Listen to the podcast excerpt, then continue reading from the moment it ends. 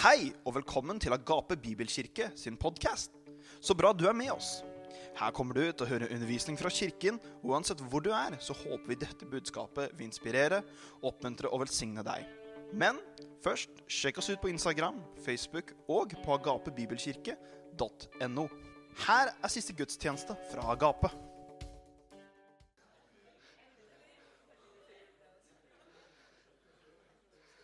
Og dagens profetlønn går til Jonas. Det er veldig bra. Så, så, bra. Jeg er i veldig godt humør. Jeg gleder meg til dette her, for dette er det beste budskapet som fins. Så skriver det.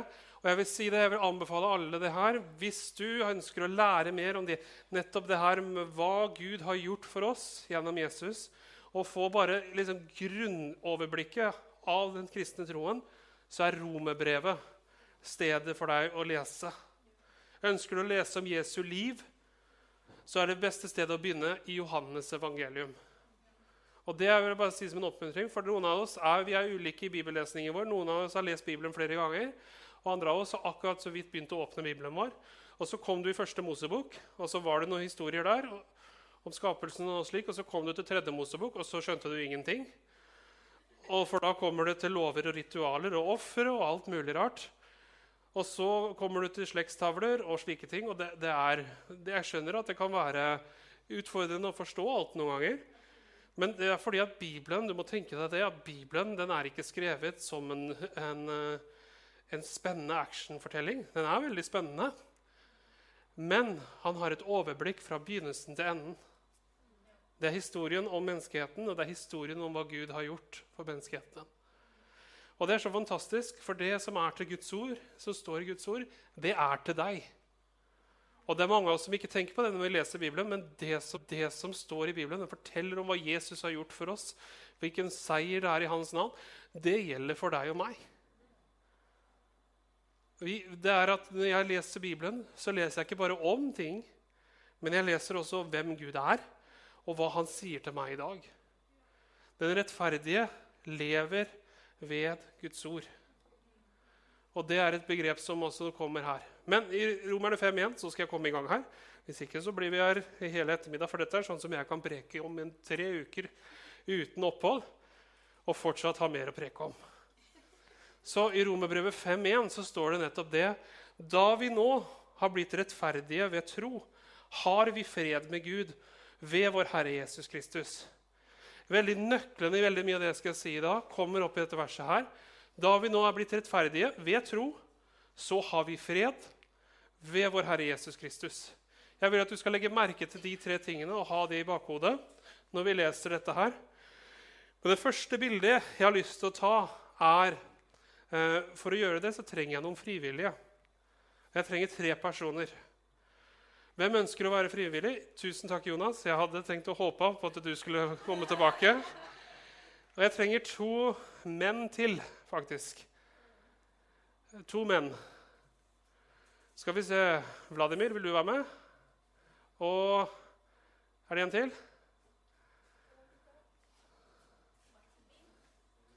Nils kommer. Jeg så han hadde veldig lyst, så det er bra. Så hvis dere kommer litt nærmere, og så skal dere slippe å høre meg fra to sider samtidig, så kan dere stå med meg her. Du kan stå på den siden. Noen må stå på høyre side òg. Og jeg har lyst til å bruke et eksempel her eh, fra rettssalen. Og veldig Mye av det vi snakker om i rettferdighet i Bibelen, har med et juridisk språk å gjøre. Og når du er i retts, Har du noen vært i en rettssak? Hvis du ikke, så har, du, så har det vært fint om du har sluppet. Men noen av oss har kanskje vært i en rettssak. Og da vil du vite at I en rettssak så finner man ut om skyldspørsmål. Det er der man skal, Og også avsettelse av dom. Så det som jeg skal bruke disse flotte herremennene her til, og som skal være med å hjelpe meg, det er veldig spennende. skjønner du. For nå har jeg lyst til å fortelle litt hvordan synd fungerer. Veldig mange av oss vi tror at vi blir dømt kun for det vi har gjort feil. Så jeg og Øyvind Kanskje jeg har ljugd, kanskje jeg har stjålet, kanskje jeg har sagt noe jeg ikke burde, har såra noen. Og så er det min synd. Men det er jo ikke så store ting, tenker vi da. Så tenker Gud er, han er ganske heftig, som setter dødsstraff for å ljuge. Så tenker vi sånn at det er Gud som gjør det. Det jeg vil vise deg nå, at synd er ikke bare hva vi gjør. Forst, da vil du forstå hvor syndeproblemet kommer inn i Bibelen. Syndeproblemet er ikke bare at jeg har gjort dette her. Jeg ljuger, og jeg, jeg, tenker ikke alltid rett, og jeg sier ikke alltid rett. Ikke fordi at jeg i utgangspunktet ønsker alltid å gjøre det, men jeg har en natur som kommer ned hele veien fra menneskeheten. Jeg kan ta det eksempelet her. Du kan få lov eh, Nei, du blir det. Du kan få lov til å være min tippoldefar. Syver. Nå sa jeg riktig, ikke sant? Paul? Ja. ja. ja han, han, var faktisk troende. Han var en ganske harding, og han preka evangeliet. Så det er veldig bra. Men nå skal jeg ta det fra syver her, og så skal vi bruke det. Og du er nestemann i leddet. Og så kommer du. Du får være Knut Labråten, du, da, hvis du kommer hit. Ja. Og så kommer jeg. Kan jeg få en frivillig til faktisk, for å gjøre dette enda sterkere? Så vil jeg ha en frivillig til. Kom on, hva hos Benjamin? vil du være med? Ok. Kan jeg låne en til? Ok, Da får vi klare med en mindre. Nei, Sigmund, så bra hvis du kommer her. Gi Sigmund en klapp. Ok, Så her begynner det nå ikke sant, at vi begynner med syver. Nå, nå er dette fiktivt. Syver gjorde ikke dette. bare for, for the record. Men hvis Syver hadde tatt på seg et kjempegjeld i familien Han hadde gjort noe, han hadde investert pengene som en gale-Mathias og hadde satt familien i hel økonomisk uføre. Og så klarer ikke Syver å betale for det. Så da kommer mannen og sier, 'Syver, du skal i fengsel.' Sånn. Ok, Syver er tatt bort. Og så etter hvert så dør Syver. Og gjelden går til nestemann i familien. Og da har rentene bare økt. Og han klarer heller ikke å betale det. Så du er nestemann. Og så kommer tredje generasjon her. Og det, det, går ikke her heller. Han prøver så godt han kan. Han betaler på noe, men det er ikke nok, så han ryker òg. Og så kommer jeg, og så skal jeg prøve å få det her til å funke. Og jeg gjør mitt beste. Jeg, jeg sparer alt jeg kan, og jeg prøver å betale alt jeg kan og leve på best mulig måte. Men pga. han så er det kjørt for meg òg. Samme hva jeg gjør, om jeg gjør det verre eller bedre, jeg er fortsatt kjørt. Og den generasjonen som kommer etter meg, er fortsatt kjørt. Fordi jeg kan ikke betale det, og det eneste som skjer da, er at den gjelden går videre til neste generasjon.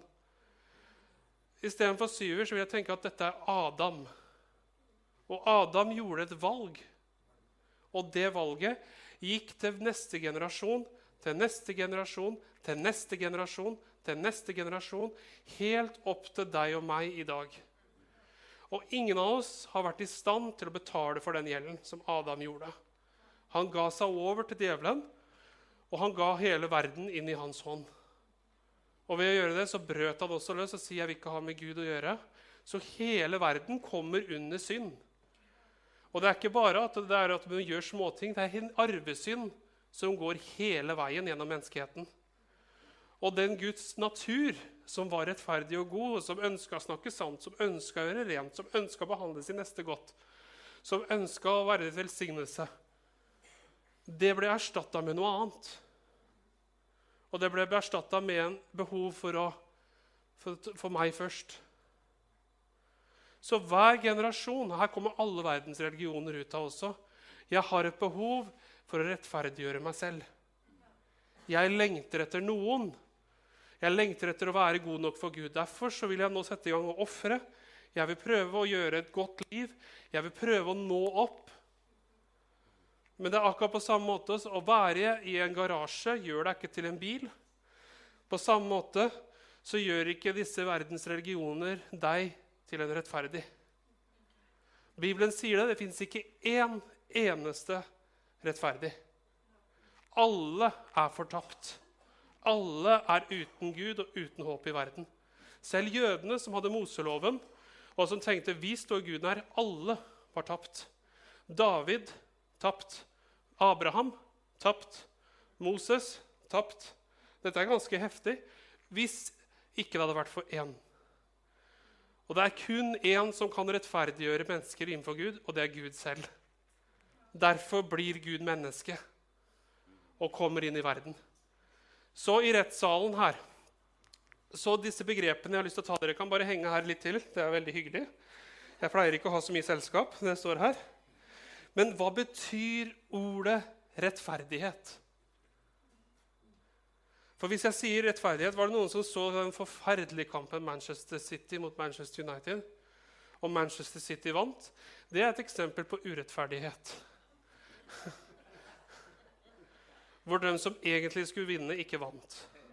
Det er et eksempel på urettferdighet. Eller hvis f.eks. For du fortjente å bli behandla bedre. Kanskje du var i et relasjon eller et ekteskap hvor du ble slått hvor du ble mishandla, da ble ikke du behandla rettferdig. For du fortjente det ikke. Du ble behandla urettferdig. Å bli behandla urettferdig betyr rett og slett å få, eh, få noe vondt som du ikke fortjener. Akkurat som rettferdighet er å få det du fortjener. Men her hjelper ikke det oss, hvis du tenker det i definisjonen. For hvis vi får det vi fortjener, så er problemet mitt at jeg har Adam som min stamfar, som har gått gjennom helt til syver. Heter min farfar hans, Heter pappa til meg. Og vi er alle, vi er alle kasta under bussen pga. det Adam gjorde. Vi er alle kjørt. Vi har ikke håp, ingenting. Så derfor, Å si at Gud vil da utøve sin rettferdighet på oss, vil kun lede oss til ett sted fortapelse. Fordi vi er allerede i synden. Henger du med meg? Forstår du hvordan dette her henger sammen? Så Guds løsning på dette er ikke å komme og si du skal ikke ljuge, du skal ikke stjele, du skal holde hviledagen hellig. Det er det mange kristne som tror. Jeg husker På skolen så, nå skal vi snakke om kristendom, og så drar de opp de ti bud. Det er lengst unna kristendommen du kommer. Det er faktisk det motsatte. For ingen kan holde disse budene. Når Gud gir Moses og israelittene budet, så er det for å vise én ting dere klarer det ikke. Dere trenger meg. Og Israel sier, 'Alt det Gud sier, det klarer vi'. Det er derfor de havner i problemer. Og det er derfor du og jeg havner i problemer når vi sier, 'Jeg er god nok for Gud i meg sjøl. Jeg klarer det.' Nei, det er du ikke. Men han elsker deg og da har han en plan. Så, så her kommer hele familielinja vår. ikke sant? Alle sammen står på rekke og rad. Vi har kjørt hele gjengen. Og det som, som er så fantastisk her, at for oss alle så kommer det én person inn. Og han sier det. Han er dommerens sønn. Og han sier, 'Jeg betaler, og jeg tar straffen'. På grunn av det overfør all deres gjeld, all deres syndenatur, all deres synd, overfør den til meg. Så alle de går fri på grunn av at én kommer inn og sier 'jeg tar det'. Ordet 'rettferdig' på Bibelen som på norsk så blir det litt sånn noen ganger fordi at det norske språket er litt begrensa. Men det det inneholder, er du klar for det? Det betyr frikjent. Det betyr å være i rett stilling. Har du, mange av dere hatt uh, inkassokrav noen gang? Eller at dere har fått en regning Nå, nå blir det litt sånn skammelapp kanskje, når jeg sier det. Da, men har du hatt en regning hvor du har fått purring? Eller har du hatt handla på Klarna, og så får du på kontoen, så ser du hvor mye du skylder? Og da, en, da, er du ikke i rett balanse, da er du ikke i rett stilling. Du skylder noe. Når du står i rett stilling, så er du i null. Du skylder ingenting. Det er min nyhet til deg i dag. Pga. hva Jesus har gjort, så skylder du ikke Gud noen ting.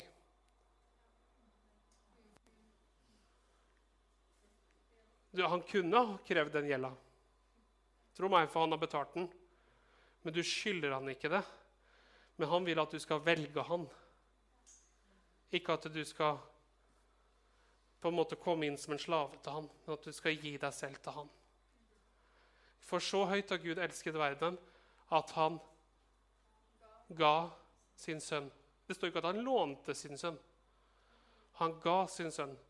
den enbårne, for at hver den som tror på han, ikke skal gå fortapt, men ha evig liv. For Gud sendte ikke sin sønn til verden for å dømme verden, men at verden skulle bli frelst ved han. Så alle vi som sto her på gjengen som var skyldige, alle vi var ute å kjøre. Vi hadde ikke noe håp uten Gud i verden. Og én kommer inn Jesus og sier, 'Jeg tar det'. Jeg tar det for Jonas, jeg tar det for Vladimir, jeg tar det for Nils, jeg tar det for Øyvind. Jeg tar det for hele menneskeheten. Jeg stiller meg i gapet. Og det er det jeg vil vise deg her i dag, hva Bibelen sier om dette. Er du klar? Dette her er I Bibelen så har vi en, på en måte et rettssalssystem. Jeg vil vise deg det. Den første delen jeg kommer til å lese for deg nå, den er et, et avsnitt, og du kommer ikke til å skjønne noe av det hvis du ikke kjenner Bibelen. Men jeg skal forklare deg det. Så går det bra? Så heng på. Det kan hende du bare tenker i alle dager, hvorfor snakker vi om bukker og okser og røk og alt mulig her? Men heng med. Det må være litt røkshow. vet du. Det er sånn det har vært på gudstjenester nå i nyere tid, at vi bruker mer røyk og røykshow. Så det er helt i orden. Men nå skal vi til den boka som kanskje kristne ikke er så glad i å være i, og det er Tredje Mosebok. Så vi kjører hardt i dag. Vi går i Tredje Mosebok. Så da kan du ta, gripe tak i armen til sidemannen og si Trøst og bære, hjelp å gå. Her går vi nå. Så Det var ikke mange av dere som tok den. Så i Tredje Mosebok, kapittel 16, så skal vi lese en del vers her. Men dette er hoveddelen vi skal lese her i dag, og så skal jeg supplementere med noen skriftsteder etter hvert. Men det står Herren sa til Moses, si til din bror Aron at og Aron her er viktig. Han er prest for israelittene. Han har ansvar for offersystemet, han har ansvar for alt strukturen i gudsdyrkelsen for dem. Så står det Si til din bror Aron at han ikke kan komme inn i helligdommen innenfor forhenget foran nådestolen som er oppå arken. Her var det mange begreper allerede som du bare tenkte data på. Går bra, jeg skal forklare de. Heng med. Så han ikke skal dø. For jeg vil vise meg i skyen over nådestolen. Slik skal Aron komme inn i helligdommen. Han skal ha med en ung okse som syndoffer og enhver som brennoffer. Han skal ta på seg den hellige underkjortelen av lin og de korte benklærne av lin inntil kroppen. Og han skal spenne om seg beltet av lin, og han skal føre seg mitran av lin. Dette er de hellige klærne. Så veldig kjapt presten hadde et type klær når han skulle gjøre ofringer for folket. Så det er det som er beskrevet her. Han tar på seg en drakt. Med andre ord, Noen ganger så er det veldig detaljert. Det han gjør, han tar på seg hvite klær. Så så står det slik skal Aron komme inn i helligdommen. Han skal ha, ja, den leste vi. Um, Derfor skal han bade kroppen i vann før han tar klærne på seg. Fra menigheten av Israels barn skal han få to geitebukker som syndoffer en og enhver som brennoffer. Aron skal komme fram med oksen som syndoffer for seg selv og gjøre slik soning for seg selv og for sitt hus, altså sin familie. Han skal ta de to geitebukkene og stille dem fram for Herrens ansikt ved døren til åpenbaringsteltet. Så skal Aron kaste lodd om de to geitebukkene. Det ene loddet for Herren, det andre loddet for syndebukken. Aron skal komme fram med bukken som Herrens lodd falt på, og ofre den som et syndoffer. Men den bukken falt på, den, den boken loddet falt på å være syndebukk, skal stilles levende fram for Herrens ansikt. Det skal gjøres soning med den, og den skal sendes ut i ørkenen som syndebukk. Og Aron skal komme fram med oksen og den skal være syndoffer for han selv, og han skal gjøre soning for seg selv og sin, sitt hus eller familie. Han skal da slakte oksen som syndoffer for seg selv, og så skal han ta en ildpanne av glødende kull fra alteret for Herrens ansikt. Med hendene på velduftende og finknust røkelse skal han føre det inn for forhenget. Og han skal legge røkelse på ilden for Herrens ansikt. Så skyen av røkelsen her får vi røken etter, folkens, skjuler nådestolen som står oppå vitnesbyrdet. For han skal ikke dø. Han skal ta noe av blodet fra oksen, og fingeren skal stenke det på østsiden av nådestolen. På forsiden av nådestolen skal han sju ganger stenke noe av blodet på fingeren, med fingeren. Og så skal han slakte bukken til syndofferet for folket. Han skal føre blodet innenfor forhenget og gjøre med blodet på samme måte som han gjorde med blodet av oksen. Og han skal stenke det på nådestolen og foran nådestolen. Overtredelser og alle deres synder. Eh, nei, slik skal han gjøre soning for helligdommen pga. Israels urenhet og pga. deres overtredelser og alle deres synder. Slik skal han gjøre for åpenbaringsteltet som står i dem, midt i deres urenhet. Det skal ikke være noe menneske i åpenbaringsteltet når han går inn i helligdommen, for å gjøre soning til han kommer ut igjen. På den måten skal han gjøre soning for seg selv, for sitt hus, ta hele Israels forsamling med seg. Og han skal på den gå ut til alteret og stå for Herrens ansikt, gjøre soning for det. Han skal ta noe av blodet og stryke det på hornene på, øh, på alteret. Sju ganger med fingeren steke noe av blodet på det og rense det hellige fra Israels barn urenhet. Når han har fullført soningen for helligdommen, åpenbaringsstedet til alteret, skal han komme fram med den levende bukken. Aron skal trykke begge hendene sine mot hodet til bukken, og den skal han bekjenne alle Israels misgjerninger og deres overtredelser og alle deres synder. Han skal legge dem på hodet til bukken, og han skal sende den ut i ørkenen med en mann som står klar. Alle misgjerningene deres skal bukken bære på seg til et avsondret land og han skal slippe bukken løs i ørkenen. Så skal Aron komme inn i åpenbaringsteltet. Han skal ta av seg klærne, liggeklærne som han tok på seg, han skal la dem bli igjen der. Og han skal bade kroppen sin i vann på et hellig sted. Og han skal ta på seg klærne sine og komme ut og ofre sitt eget brennoffer og brennofferet for folket. Slik gjør han soning for seg selv og for folket, og fettet fra syndofferet skal han la gå opp i røyk på alteret. Han som sendte bukken bort, Eh, som syndebukk skal vaske klærne sine og bade kroppen i vann. Etterpå kan han komme inn i leiren, oksen til syndofferet og bukken til syndofferet. Blodet av dem som ble, ble båret inn til å gjøre soning i helligdommen, skal føres utenfor leiren. De skal brenne huden av det og kjøttet og, ta, og tarminnholdet deres på ilden. Så skal de brenne det opp og vaske klærne sine og bade kroppen sin i vann. Etterpå kan de komme inn i leiren. Det skal være evig lov for dere i den syvende måneden. På den tiende dagen i måneden skal dere ydmyke deres sjel. Da skal dere ikke gjøre noe som helst arbeid, verken for den innfødte eller fremmede som bor blant dere. For den dagen skal dere gjøre soning for dere, så dere blir renset fra alle deres synder, og dere kan være rene for Herrens ansikt. Det er en fullstendig sabbatshvile for dere, og dere skal ydmyke deres sjeler. Og det er en evig lov. Dette er en ganske heftig pakke. Er du forvirra? Det er lov å si ja. Men her, nå vil jeg bare vise deg veldig kort skjønner du, Dette er derfor du har pastorer. Hva som faktisk blir snakka om her. For dette her er et bilde. Dette er veldig viktig at du ser. Dette er et forbilde på det som skal skje. Og Det første jeg vil ta med deg her nå, det er lammet, eller bukken, som snakkes om. Hvor mange av dere har hørt begrepet syndebukk? Hvis det er VM, og så, Hvor mange av dere så VM-finalen mellom Argentina og Frankrike? Hvor mange av dere er traumatisert av kampen etterpå? Så Laura holdt med Frankrike, og jeg holdt med Argentina. Og Argentina vant. Det var en fantastisk følelse. Men da var det noen franske spillere som bomma på straffesparkkonkurranse. Tenk deg VM-finalen blir avgjort på straffer. Og så, kom, og så går du bort, og så skyter du, og så går ballen over mål. Og, og laget ditt taper VM-finalen og du bomma på straffe. Der mange ganger så bruker vi ordet syndebukk i dag. Eller hvis det var en på siste strafferunde, eller en som siste skyting på skiskytter. Norge skal ta OL-gull. Og så kommer det opp, og så skyter vi, og så bommer vi, og så tar tre runder. Syndebukk.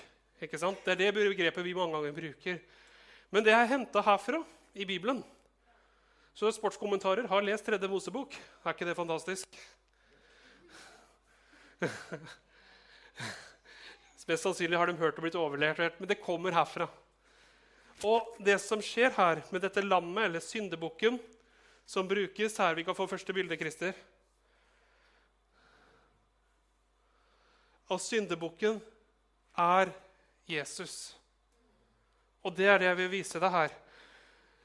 Det, når at bukken eh, loddet falt på, han skulle sendes ut i ødemarken. Og Aron skulle legge hendene på hornet på han, og så skulle hun ta all synden på folket og legge der. Så all synden til folket ble lagt på den bukken, og bukken ble sendt ut i ødemarken. Stakkars bukk. Det var en veldig kjedelig rolle de hadde den, på den tiden. Men bukken ble sendt ut, og på samme måte så har jeg lyst til å vise deg det her. Jesus, når han, blir, når han skal på korset, så tar han sitt eget kors og korset her representerer alle dine mine synder. Og han bærer det med seg, og Jesus bærer sitt eget kors.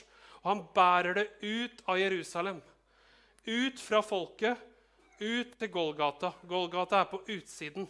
Så på samme måte så bærer Jesus våre synder ut av byen, ut fra folket. Han tar alt på seg, og så bærer han det ut. Og så blir han løftet opp og korsfestet. Så dette er viktig at Når vi snakker om denne syndebukken, her, så handler det ikke om geiter. Det handler ikke om okser. Jeg har ikke noe mot geiter, jeg har ikke noe mot okser, men det er ikke det det handler om her. Det er et bilde for å forberede Israel på at Jesus skal komme og dø for dem. Og komme og dø for oss. Det handler om hvorfor gjorde de dette hvert år. Av én en enkel grunn. For å minne folket på det kommer en som skal bære all deres synd bort. Og derfor, så når Moses, David, Abraham, alle blir tror, så tror de på denne bukken. Ikke med Du kan alle sammen si med. Men det er ikke at de tror på bukken, så da må du si næ. Så. Men de tror på at det skal komme en istedenfor denne bukken. Og han er det som skal ta din synd bort. Henger du med meg så langt? Så det er det som skjer her. Alt som folk hadde gjort, all den syndnaturen, blir lagt oppå han. På denne bukken, og bukken blir sendt ut. Blir lagt på Jesus, og Jesus tar sitt kors og går ut. Han går ut av Jerusalem, og han går opp fra Gålgata, og der blir han hengt opp på korset. Deretter så går han ut av denne verden. Johannes sier det i Johannes' evangelium. Så sier han det i 1.29.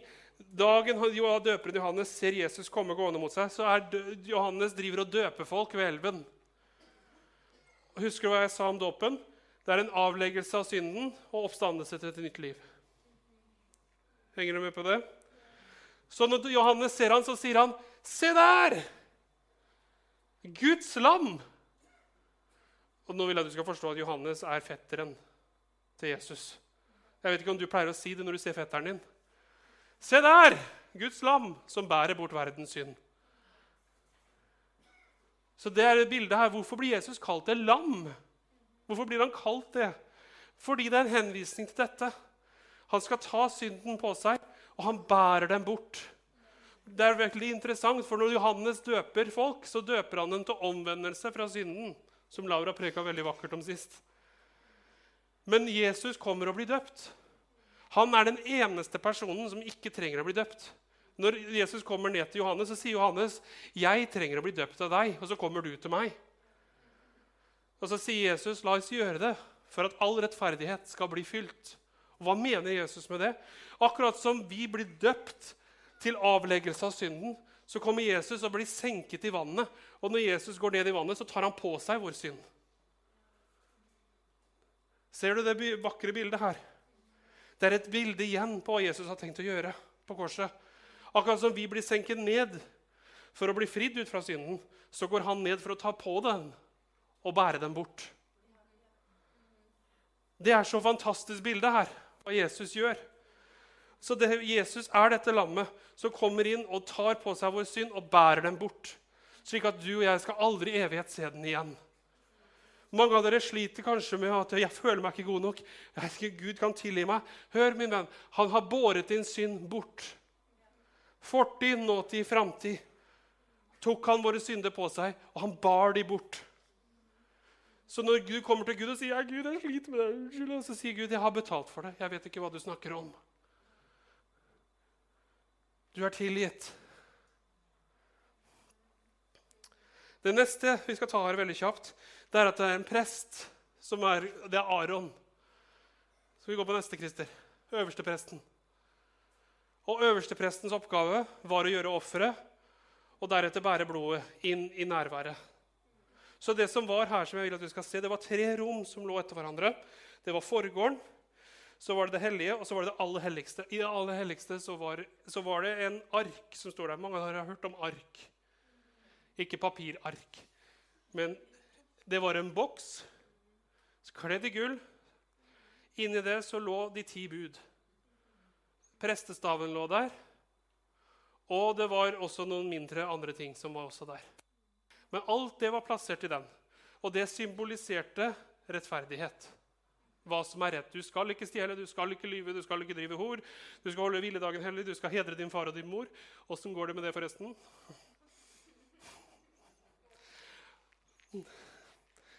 Så alt det der talte mot folket. Ikke sant? Og på toppen av den kista så hadde du et sete som ble kalt for nådestol. Og når presten gikk inn, så tok han blodet av dyrene. Så gikk han gjennom forhenget.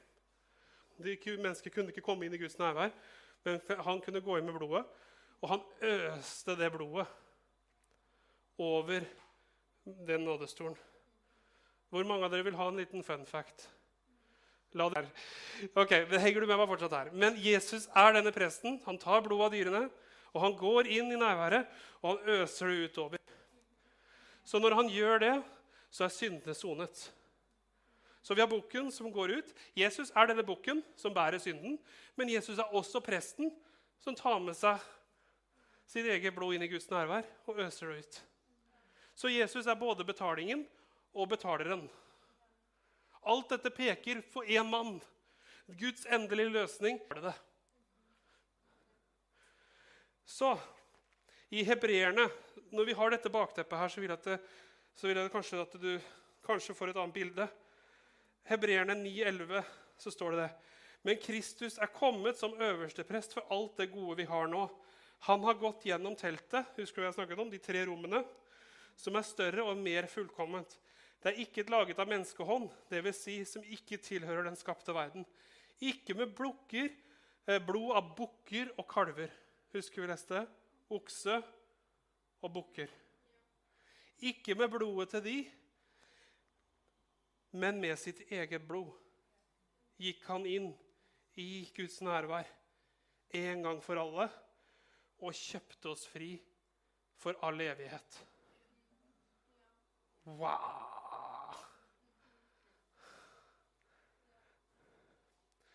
For blodet av bukker og okser, asken og kvige, gjør hellig og ren på de ytre når det blir stenket på den som er urene, men hvor den levende Den hellige ånd båret seg selv fram som et feilfritt offer for Gud. Derfor er Kristus nå mellommann for en ny pakt. Og han døde for å kjøpe oss fri fra lovbruddene under den første pakten, for at de som er kalt, skal få den evige arven som har lovt dem. Dette er et fantastisk bilde hvis du ser. Alt dette Gamle testamentet og seremonier og ofrer og lover, og vi skjønner ikke bæret av det, som ikke er israelitter. Og når du leser Bibelen for første gang, så tenker du hva er alt dette her for noe?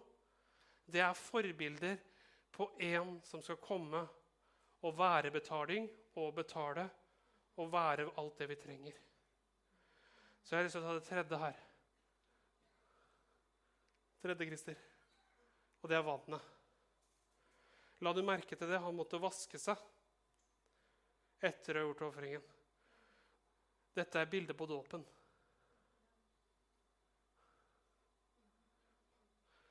Alt det her snakker om noen som vet som skal skje. Så når Jesus dør på korset, går i dødsriket og står opp igjen, så er det hva dåpen symboliserer. Vi sier alltid det når vi har dåp. så sier vi Tror du på Jesus Kristus som din Herre og Frelser? Dåpskandidaten svarer ja. Så sier jeg på din egen tro og bekjennelse så døper jeg deg til Kristus i Faderens, Sønnen og Helligåndens navn. Og så sier jeg noe. begravet med Han. Og så lar vi deg bli der. Nei. Begravet med Han og oppreist for å vandre med Jesus. Det er hva dette vannet symboliserer. Er det ikke fantastisk? Ble du noe klokere på akkurat den delen her nå? Har du vondt i hodet? Du kan komme fram. Vi skal be for deg. Jeg vet vi også tror på helbredelse. du blir helbreda av samme grunn som du ikke skjønner. Men dette bildet her er så mektig og sterkt. Og alt dette fører opp til det her er ett.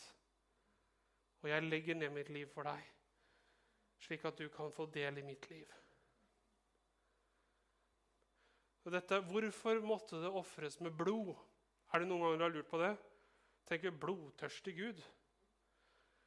Det har ikke noe med at Gud er tørstig etter blod. Det har ingenting med det å gjøre.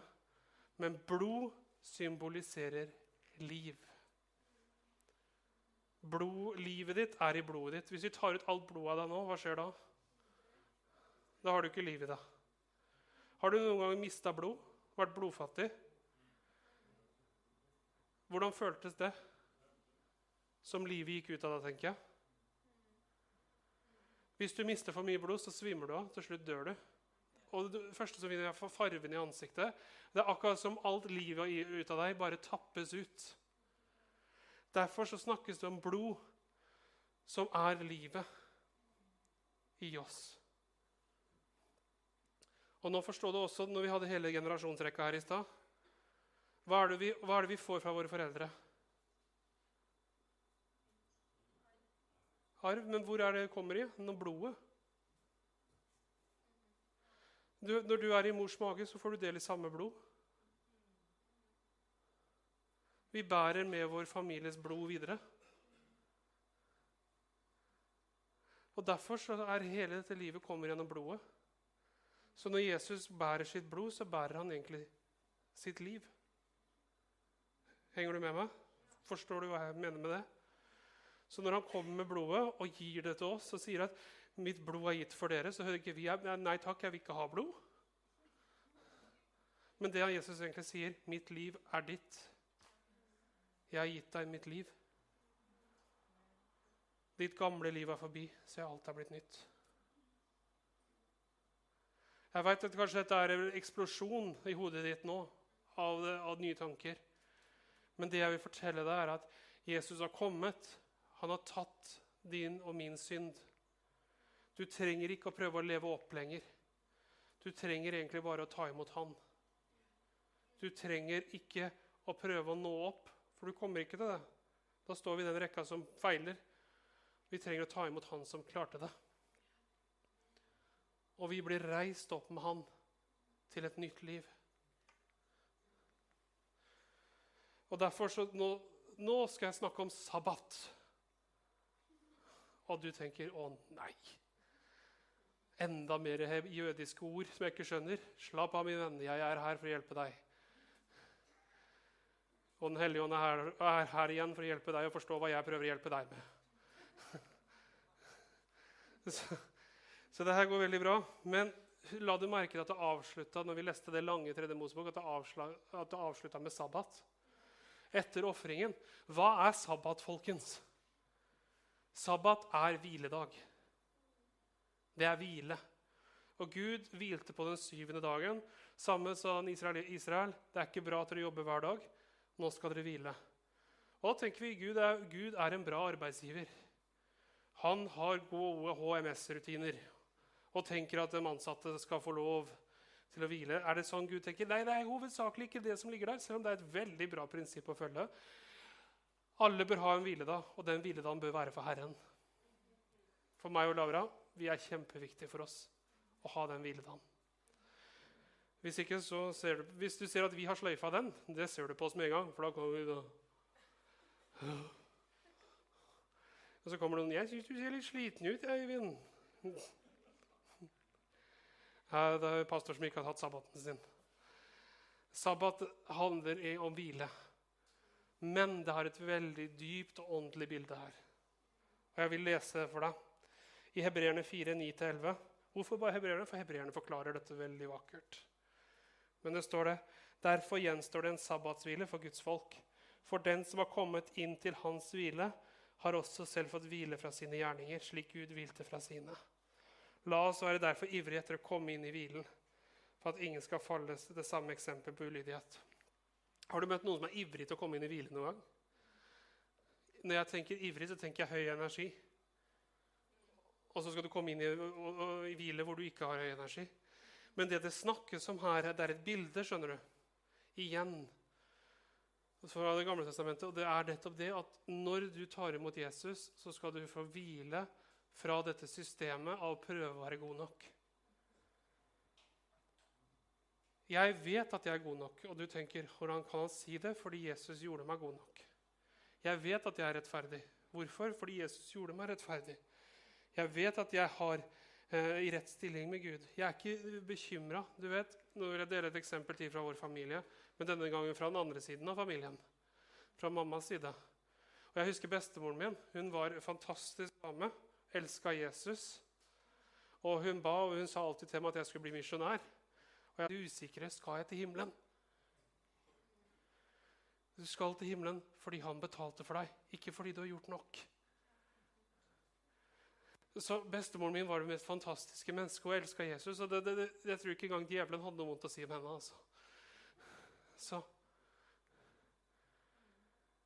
Og du vet, hun var så god, men hun gikk rundt med en usikkerhet.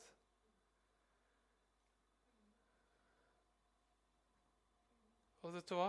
Mange av oss troende vi går rundt med en usikkerhet. Vi sier 'Jeg håper jeg kommer til himmelen'. Jeg håper det liksom, jeg håper jeg får komme inn. Hei, min venn. Du kommer ikke inn for hva du har gjort. Du kommer inn for hva han har gjort.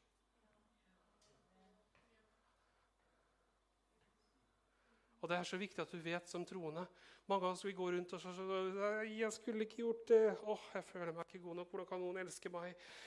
Jeg har vært i et forhold, og han har vært utnytta meg, eller han har gjort sånn mot meg, eller sånn, og så klarer jeg ikke meg. Så, hvordan kan noen elske meg? Og så sier Gud, 'Jeg elsker deg'. Jeg har gjort deg god nok. Men jeg føler meg ikke god nok. Men her kommer troen din, min. Du må akseptere hva Jesus har gjort for deg. Veldig mange av oss går rundt og fordømmer oss sjøl og føler oss hele tiden at vi ikke strekker til. Det du trenger å gjøre, er akkurat som dåpen.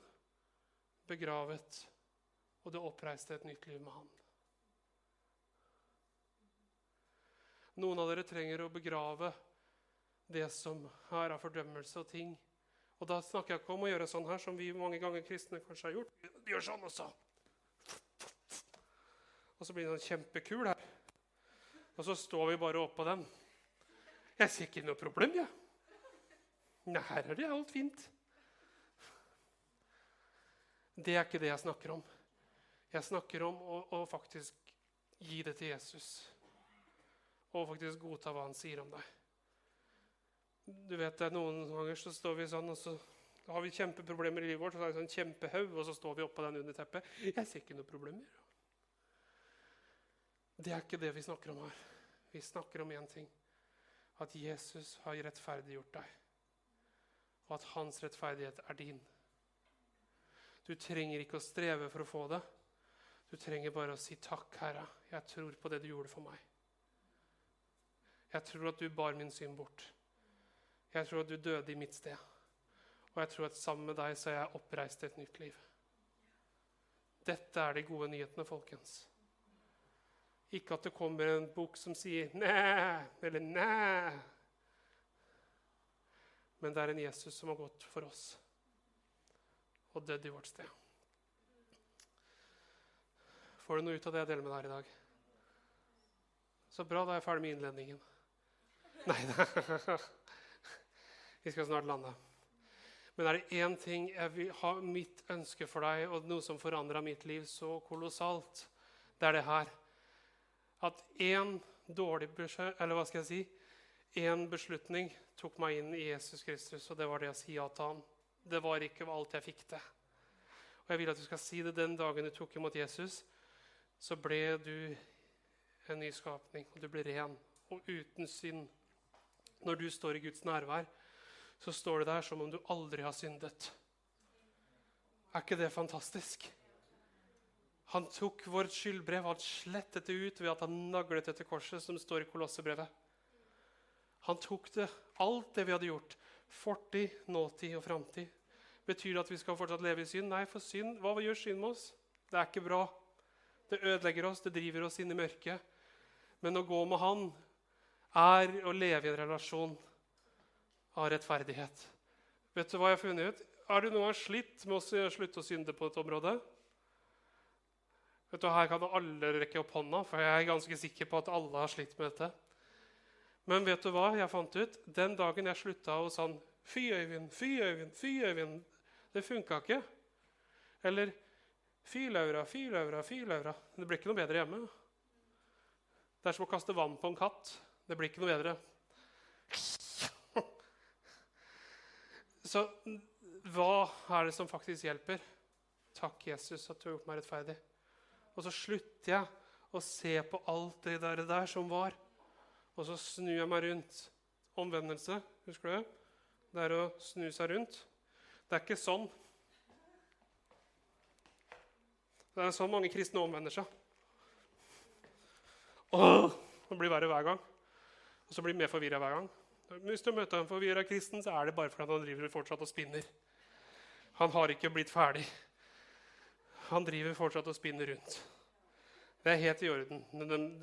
Det er noen som er litt sånn spinnende, og da må vi prøve å hjelpe dem til å stoppe. Men du trenger bare å snu deg hit. Og så begynner du å se Wow, Jesus, du har tilgitt meg, du elsker meg. Og så får du lyst til å gå den veien. Og som du går den veien, så begynner bare ting som du har slitt med, å dette av deg. Og dette av deg, og dette av deg. Det er ikke det at du kommer der og driver sånn. Å nei, Gud, stakkars meg. Å, unnskyld, Gud. Det hjelper deg ikke. Det som hjelper deg, er å gjøre sånn og gå sammen med Jesus i et nytt liv. Det er det han har for deg. Han har ikke spinning classes med deg. Han har et nytt liv. Er ikke det fantastisk? Og det livet er virkelig verdt å leve. For det er Guds type liv. Som sagt, Jeg tror jeg skal lande her, for jeg kan fortsette flere timer til. Jeg synes dette er det beste jeg vet å snakke om. Tusen takk for at du var med oss i dag. Vi vil gjerne høre fra deg og vite hvordan vi kan be for deg. Ta kontakt med oss enten via sosiale medier eller på nettsidene våre, så håper vi at vi ses ganske snart.